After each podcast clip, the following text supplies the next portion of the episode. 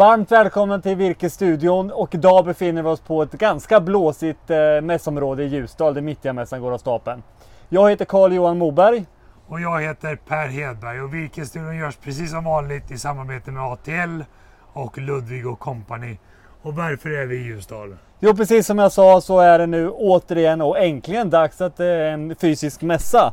Så vi har byggt våra monter här nu och imorgon då på fredagen så kommer det massa gäster hit och vi ser ju att det är skogsbolag, det är maskintillverkare, det är försäkringsbolag, ja egentligen alla som hör till kring eller våran bransch helt enkelt. Men nog om mässan egentligen där. Nej, jag Aha. tycker att om man vill gå på mässan så bjuder vi gärna på entrébiljetter och då går man bara till virkesborgsen.se snedstreck mittja. Virkesborgsen.se snedstreck mittja så får man gratis entré till mässan också. Nu ska jag inte prata mer om det. Nej men precis, det ska vi inte göra. Så välkomna hit till våra monter. Men nu ska vi se en liten åkerblick. Det är ett ganska matigt program idag, men vi ska börja egentligen. Vad händer med USA-marknaden Per? Nej, men jag tycker det har varit jätteintressant att följa USA-marknaden och titta. Jag ska visa en bild bara på hur sågtimmerpriserna har förändrats i USA. Och då ser vi det otroliga prisrallyt som var under våren som toppade redan den 7 maj. Och då hade vi ett pris på 1671 dollar per board. Board feet tror jag enheten är. Och sen dess har vi liksom sjunkit undan och nu är vi tillbaka på normala nivåer. Så på sätt och vis så är prisrallyt och virkesprisrallyt lite över för den här gången, åtminstone i USA. Men är det för sent för skogsägare att göra bra affärer i Sverige då? Nej men det är det absolut inte, utan men det är hela tiden så att man ska ju vara om och kring sig på virkesmarknaden, och se till att konkurrensutsätta sitt virke. Och sen är det ju alltid en liten eftersläpning. Och sen är det klart, det är inte bara USA som allt virke går till. Det är fortfarande bra konjunktur i Sverige vid byggnationer. Vi vet att Europa det byggs det och även i Asien. Men du, Södra gick ut och höjde sågtimmerpriserna i södra Sverige här för några veckor sedan. Är de lite sent ute eller? Ja, det var ju bara egentligen någon vecka sedan de gjorde sin höjning och det är klart att eh, tittar man på den biten och jämför med den här grafen väldigt så, så kan man ju tänka sig att det var lite sent ute. Men de vet ju saker som inte vi vet så att jag tror att de har full koll på vad de gör. Så är det, men det ska bli oerhört intressant att följa hur det går för skogsbolagen i kvartal tre nu. För att se om lönsamheten håller i sig eller om det är så att det börjar vika neråt också. Verkligen.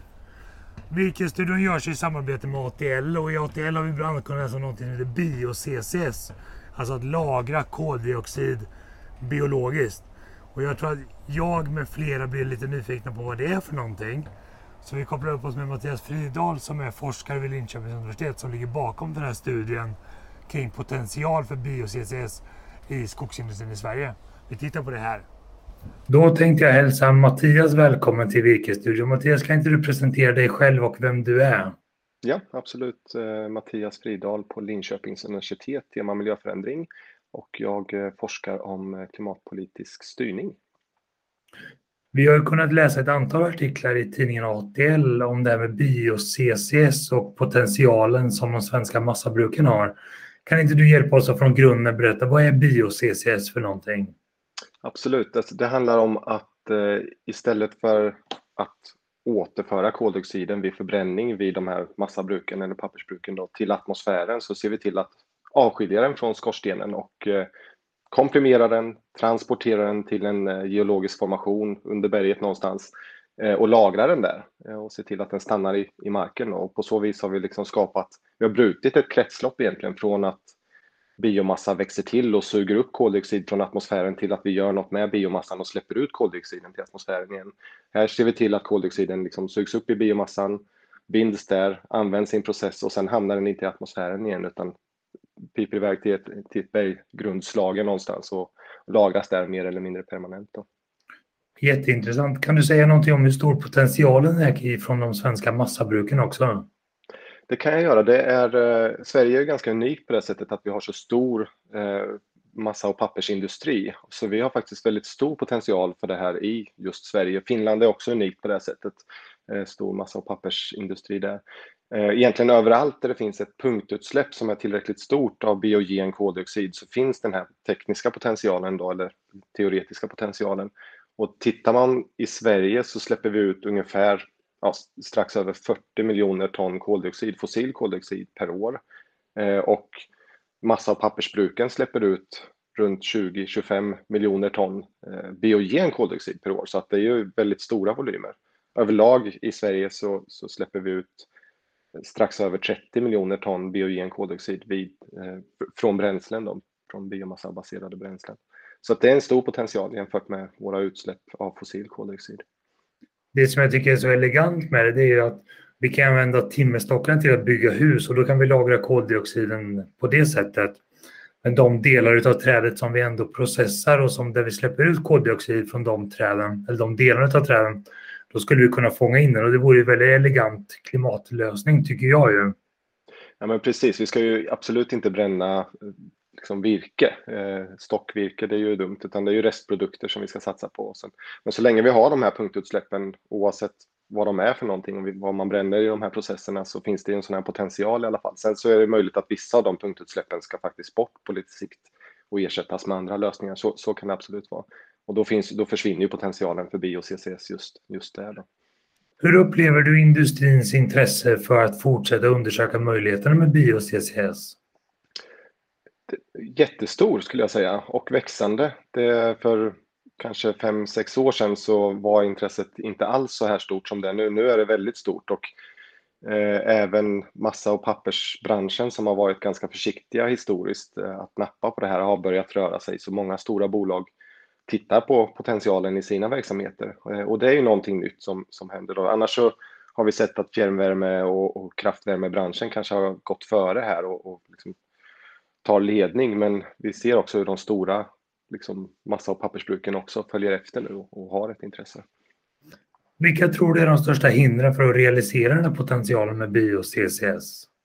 Eh, te rent tekniskt går det här att göra men det är dyrt. Eh, så, så, det måste ju liksom till någonting som gör att företagen får intäkter baserat på den här lösningen, då, klimatlösningen. Och det är inte helt lätt. Om vi tänker att vi skulle få till de här intäkterna för att ekonomin skulle gå ihop för bio-CCS, finns all teknik tillgänglig för att genomföra det eller hur lång tidsperiod tror du man skulle kunna realisera det på rent tekniskt? Det är en ganska komplex teknisk kedja som liksom många, många led som ska på plats men i varje enskild del eller länk av kedjan så finns redan färdig teknik. Och det finns säkert potential att sänka kostnaden i varje, varje länk också och liksom utveckla tekniken men det finns färdiga lösningar som går att, att använda sig av. Så att det, ingen, det behövs inte ny teknik för att få det här att fungera utan det behövs kostnadstäckning snarare, någon som betalar för att tekniken kommer på plats. Då. Eh, så att eh, det är egentligen, eh, skulle det finnas pengar och mod så, så skulle man kunna sätta igång direkt. Då. Jätteintressant och det här tycker jag pekar ännu mer på att skogsindustrin och skogen kan verkligen spela en avgörande roll i liksom, klimatlösningen på något sätt. Va? Ja, absolut. Du Mattias, jag tänkte vi tackar dig för det och jätteintressant att prata med dig och stort lycka till i den fortsatta forskningen så hoppas jag att det här blir verklighet inom kort. Mm. Ja, tack så mycket. Bra, ha det gott, hej! Ja, detsamma, hej! Tack så mycket. Det här är verkligen något som är intressant att följa och se vad det kan bära av. För klart att är det här någonting för, för eh, ett bra sätt att binda koldioxid så är det verkligen intressant. Så är det, men vi har kunnat läsa mer i ATL och vi har också en hel del bra saker att se fram i ATL. Så jag tog koppla med upp mig med Ulf Aronsson som är skogsreporter på ATL. Och vi kan kolla på det här. Då säger jag välkommen till Ulf Aronsson till Virkesstudion. Hur mår du? Tack för det Per. Jag mår bara bra. Du, nu börjar hösten komma igång och virkesmarknaden kommer igång också. Vad händer hos er på tidningen ATL? Ja, det händer alltid mycket. Ibland känns det som lite för mycket, men eh, i, det senaste, eh, i nästa utgåva kommer vi bland annat titta på eh, skogsaktivism, det vill säga olagliga aktioner riktade mot skogsbruk och skogsföretag.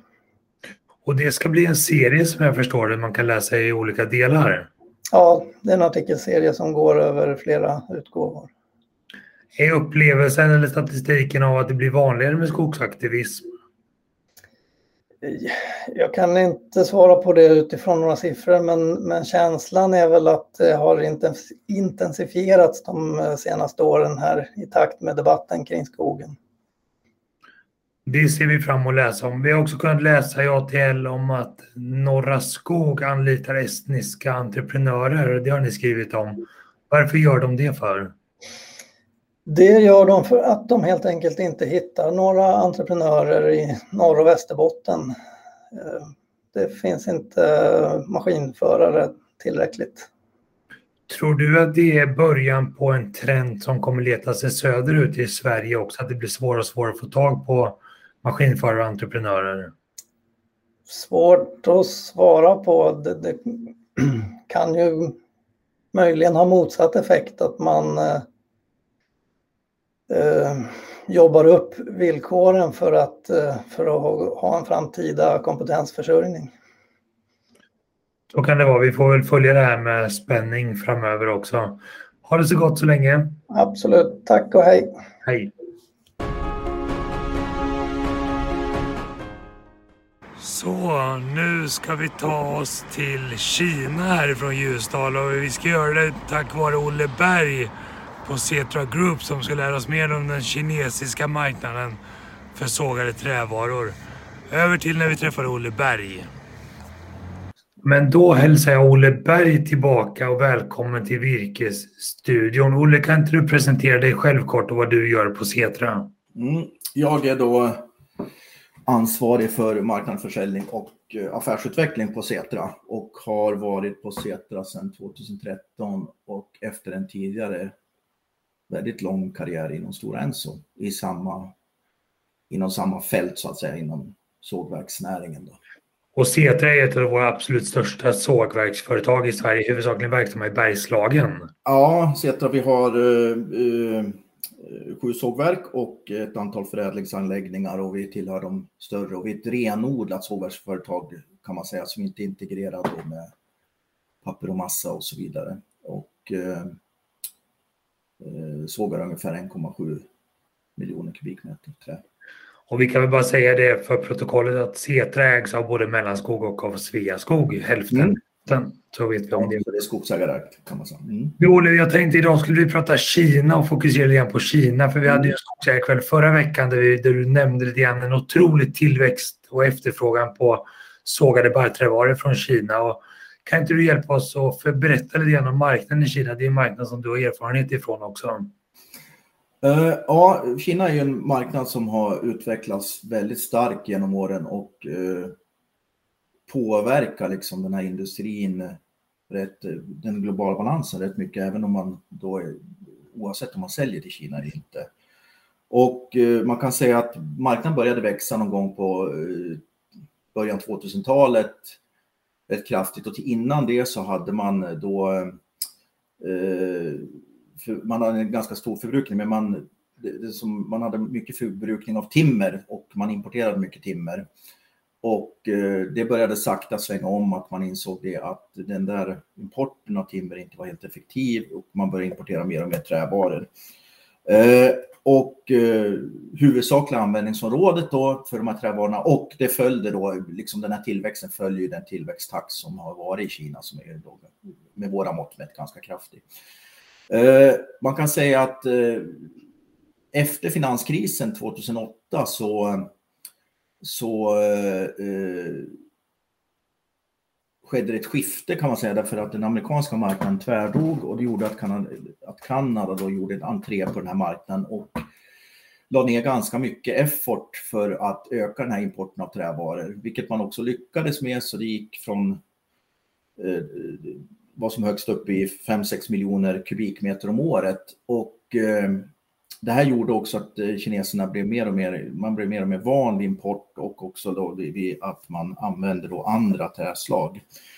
Eh, I början av 2000-talet, min första resa gjorde jag 1998 till Kina och då furu och gran från Europa, det var närmast betraktat som exotiska träslag. Man hade ingen erfarenhet alls av det. Förbrukningen har då, man har två huvudsakliga, man kan säga det är två huvudsakliga segment då om man ska generalisera. Det ena är möbelsegmentet, vilket är det primära segmentet för leveranser ifrån Europa, speciellt från Sverige och Finland. Och det andra segmentet är konstruktion och då är det inte, det byggs inte en massa hus i trä, men däremot så används det en massa produkter till då vad vi kallar för low-end construction som man då och tillväxttakten i Kina har då varit enorm så att 2005 så förbrukar man, hade man konsumtion på 16 miljoner kubikmeter barrträvaror och idag är man uppe i 60 miljoner och man tror fram till 2025 att man är uppe i 75 miljoner. Så Kina har då gått från eh, i globalt så är USA den största konsumerade marknaden med 90 miljoner kubik och sen kommer Kina. Så det här är ju en helt ny marknad som har utvecklats över tid då, med en otrolig förbrukning. Och som då eh, också då eh, växlar över från timmer till trävaror. Så att man, eh, eh, man kan också säga om man tittar på den här möbelindustrin då så är det primära segmentet i Sverige och Finland så har det också förändrats över tid från att vara i början av 2000-talet fram till 2000, ja till finanskrisen ungefär, vara en väldigt exportinriktad industri. Man, man eh, framförallt då eh, man har ett enorma kluster av möbelföretag hade man i södra Kina som då primärt då gjorde möbler och exporterade dem till USA, Japan, Australien, Europa. Eh, efter finanskrisen så blev efterfrågan mycket sämre och man har efter det så det som är intressant för de kinesiska industrierna det är den inhemska marknaden.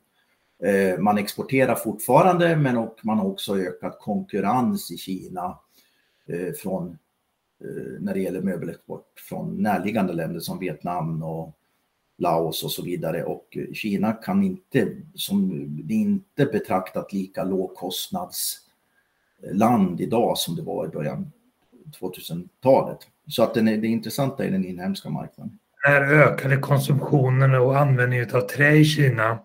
Jag förstår att den är driven av flera olika faktorer, men kan du peka på vilka som är de viktigaste? Är det befolkningsökning, välståndsökning eller är det så att man använder mera trä?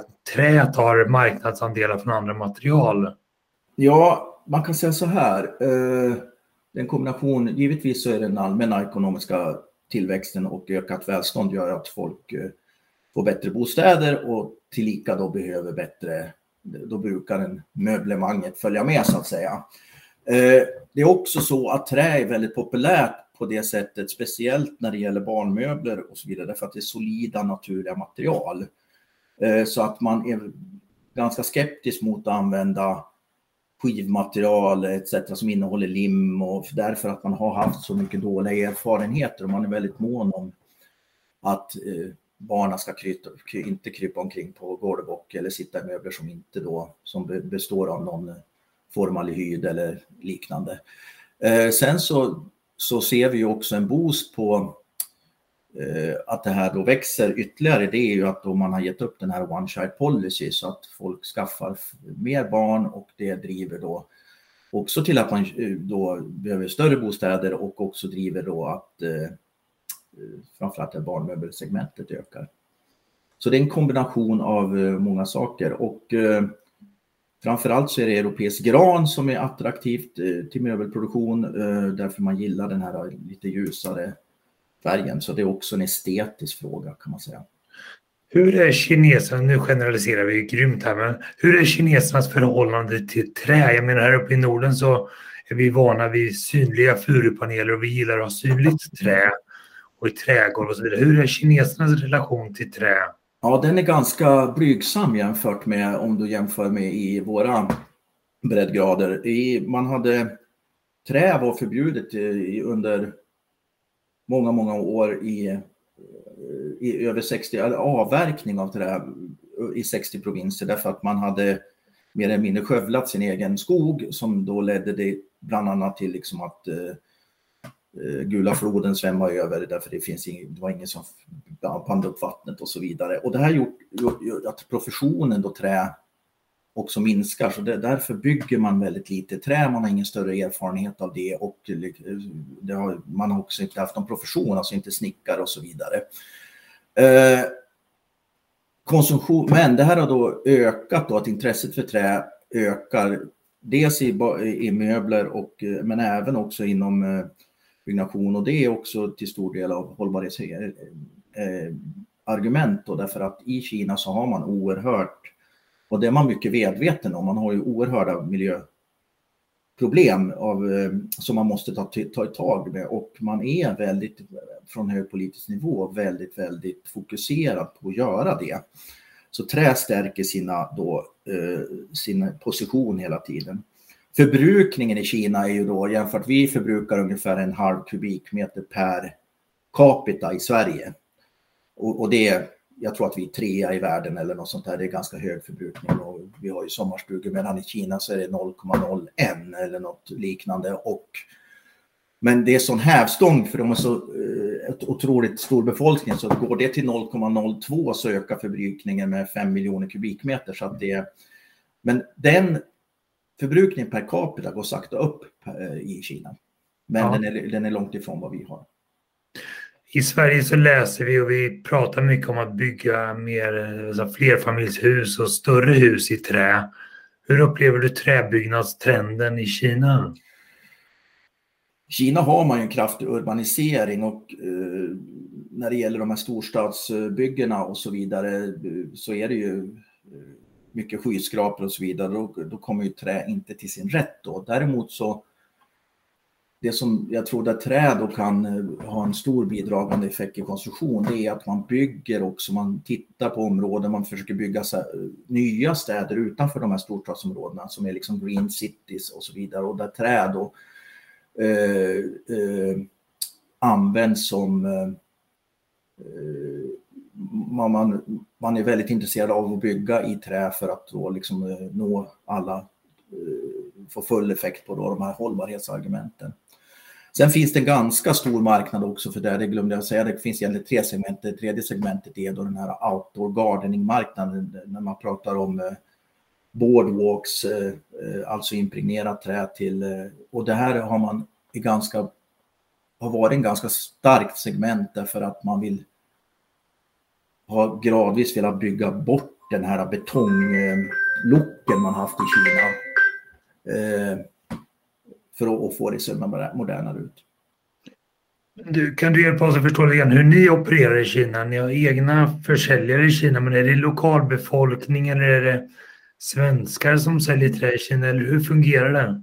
Ja, det är lite olika beroende på företag, men vi har då ett kontor i södra Kina där vi har då eh, lokalt anställda kineser och eh, eh, vilket vi tycker då är viktigt därför att du måste kunna språket i Kina, alltså både mandarin och kantonis och eh, även kulturen. Eh, det är fortfarande så när man anställer lokalt så är just engelskan en, en eh, inte helt självklar kompetens som man har. Men, och det kan man ju fråga sig, de är, kineserna är ju så välutbildade och så vidare, men det är klart att om man sitter i Kina och tittar ut över världen och har en och en halv en marknad på en och en halv miljard så är det ju viktigare att kunna mandarin och kantonis och de här lokala språken kanske. Europa är inte centrum för dem. Eh, så vi, och eh, många svenska och finska företag har, kineser, har representation i Kina, eh, lokalt anställda kineser. Sen tänkte jag tillåta mig att ställa en dum fråga men som jag fått från en tittare också. När vi exporterar vi sågade trävaror till Kina, kan vi packa det i containrar eller går det alltid som vad säger man, som bulk säger man när man skeppar det löst mm, på fartygen. Det går i container uteslutande och det är en av de anledningarna till att leveranserna till Kina har ökat också kraftigt. En sak som har möjliggjort det, det har varit den goda tillgången på logistik. Det kommer mycket container från Kina till Europa och de måste fyllas med någonting. Så fraktpriserna i, i slags relativt perspektiv har varit ganska bra till Asien. Eh, och det här har hjälpt till då att öka exporten, både tillgången och, och priserna. Vi har ju läst om en containerbrist på, på väg mot Europa och på väg från Kina ska man väl säga. Då. Men har det drivit upp containerpriserna tillbaka till Kina eller har det pressat ner priserna? Nej, just nu så är containerpriserna väldigt höga. Eh, de är inte högst till Asien, men de är betydligt högre nu än vad de var tidigare. Och eh, det, liksom container är en också en sån här commodity market som, som, eh, fluktuer, som är väldigt volatil och beroende på, eh, påverkas rätt starkt av flödena och påverkas av begränsningar begränsningarna, man, man produktionsbegränsar och så vidare. Just nu så ligger det på en väldigt hög nivå. Det råder med de exportvolymer som för närvarande man kan se så råder ingen brist på containrar. Man får tag i containrar, men, men priserna är ganska höga. Hur påverkas träet av att ligga ett par veckor misstänker jag det i container och fraktas över världshaven? Slår det sig? Blir det skevar de eller påverkas det inte alls? Nej, det påverkas inte. Det viktiga är när du stoppar in varorna i en container är att de är torra.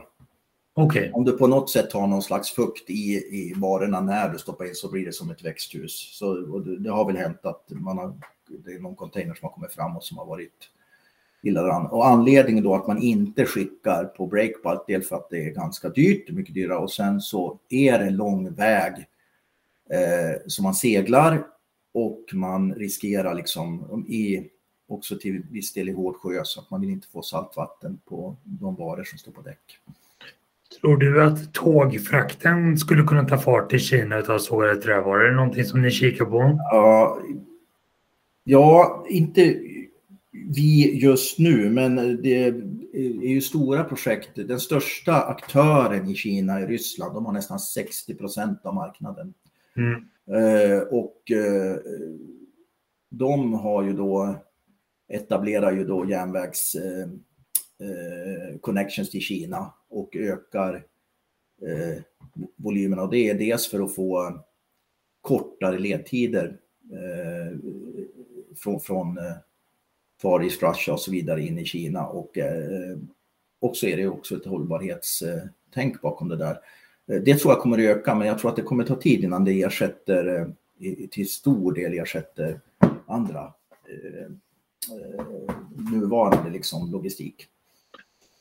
Det pratas ju om, eller det ryktas om att Ryssland ska införa väldigt höga exporttullar, i princip ett exportförbud mot rundvirke från Ryssland. Hur tror du att det kommer påverka efterfrågan på nordiska sågade trävaror till Kina?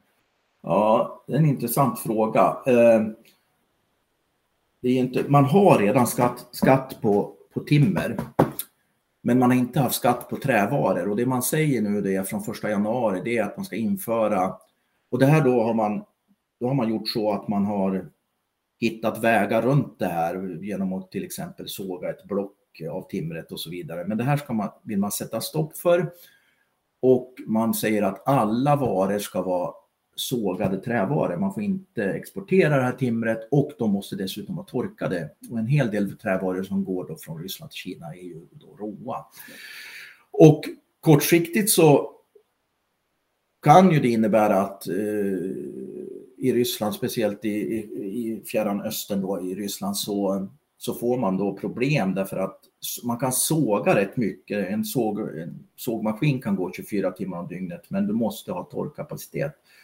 Och den måste då byggas upp om du ska transferera alla de här äh, timmerstockarna till färdiga varor. Och det, jag tror att det kan leda till att man har eh, beroende på hur konsumtionsutvecklingen är givetvis, men att man blir mer beroende av import från andra länder under en period. Du Olle, jag har tusen frågor. Jag tycker det är jätteintressant, men avslutningsvis, bara så vi inte tar för lång tid på det här. När kommer Kina om någonsin bli den viktigaste marknaden för Cetra, tror du? Ja, jag kan säga så här, det, den är väldigt viktig eh, och eh, Kina har gått från att i jag vet inte, liksom för tio år sedan vara en sån här marknad där du sålde det som du kanske inte kunde sälja någon annanstans eller det du hade i lager till en etablerad marknad och de har sina egna produkter. Eh, det är inte en lågprisprodukt, lågkvalitativ marknad längre. Finland så är det redan så att Kina är deras största exportmarknad för gran. Och 2018 och 2019 så var Kina den största exportmarknaden för Setra marknader utvecklas ju olika och eh, någon marknad kan vara dålig ibland och någon är bet ah, lite bättre och så vidare. Men Kina är, har nått en nivå så att man kan inte säga, vi kan inte säga och jag tror inte de flesta leverantörer som är aktiva i Kina kan säga att eh, nej men då struntar vi i Kina det här halvåret. Utan det kommer att vara ett ständigt flöde av volymer. Ligger den svenska sågverken efter de finska i att upptäcka Kina som marknad tycker du? Nej, jag tror faktiskt att det är så. Nej, det skulle jag inte vilja säga. Jag tror snarare att det är så att faktiskt att de svenska sågverken har mer alternativ än de finska. Vilket ju, Finland är lite mer beroende av Kina skulle jag vilja säga än vad kanske svenska sågverk är. Var det det vi såg också under våren när volymerna från Sverige till Kina gick ner? Att volymerna gick till andra marknader för att vi hade fler alternativ. Ja, eh, man kan säga så. Under den här kraftiga eh, prisutvecklingen som har varit så har den kinesiska marknaden inte riktigt hängt med. Man har inte kunnat betala de här priserna för man har inte fått ut dem i sina led. Eh, så importen har fallit rätt rejält. Och, men det har då inte varit ett så stort problem därför att den övriga marknaden eh, framförallt drivet av USA så har man haft liksom kunnat ersätta då den här kinesiska marknaden. Eh, och eh, den kinesiska marknaden är ju också, för närvarande så är den konsumtionen, om än hög, lite dämpad. Eh, och, eh, men jag tror att vi kommer att se, ganska snart kommer vi se en tillbakagång till ökande volymer till Kina igen, en ökad export. Det låter som att vi får anledning att koppla upp oss med dig igen om ett tag och mm. prata Kina. Och jättetack för att du tog dig tid att vara med i Virkesstudion idag, Olle. Ja, tusen tack. Det var kul att vara med. Tackar. Mm. Tack snälla Olle Berg. Det där var verkligen utbildande kring den kinesiska marknaden som ju uppenbarligen växer i betydelse också för svenska skogsägare. Nej men så är det ju. Precis som vi sa innan där om amerikanska marknaden då att den har gått ner så är ju Kina verkligen en betydande marknad för svensk skogsråvara. Och det här återspeglar sig då liksom hur skogsbolagen jobbar hela tiden mot olika marknader för att se till att säkerställa att de gör bra affärer. Så kanske lite dystert i början där med att USA-marknaden på något sätt och vis har gått ner till normala nivåer från de här fantasinivåerna nästan som det var på. Eh, så ska vi ändå ta med oss att det finns andra marknader som fortfarande går bra också. Det går upp och det går ner men skogen växer stabilt. Det är så vi kan se Exakt. på det. Men det tycker jag vi tackar för idag Karl-Johan. Välkomna till Ljusdal och till Mitti om ni har vägarna förbi. Och om inte så ses vi nästa gång i Virkesstudion. Hej då! Hej då!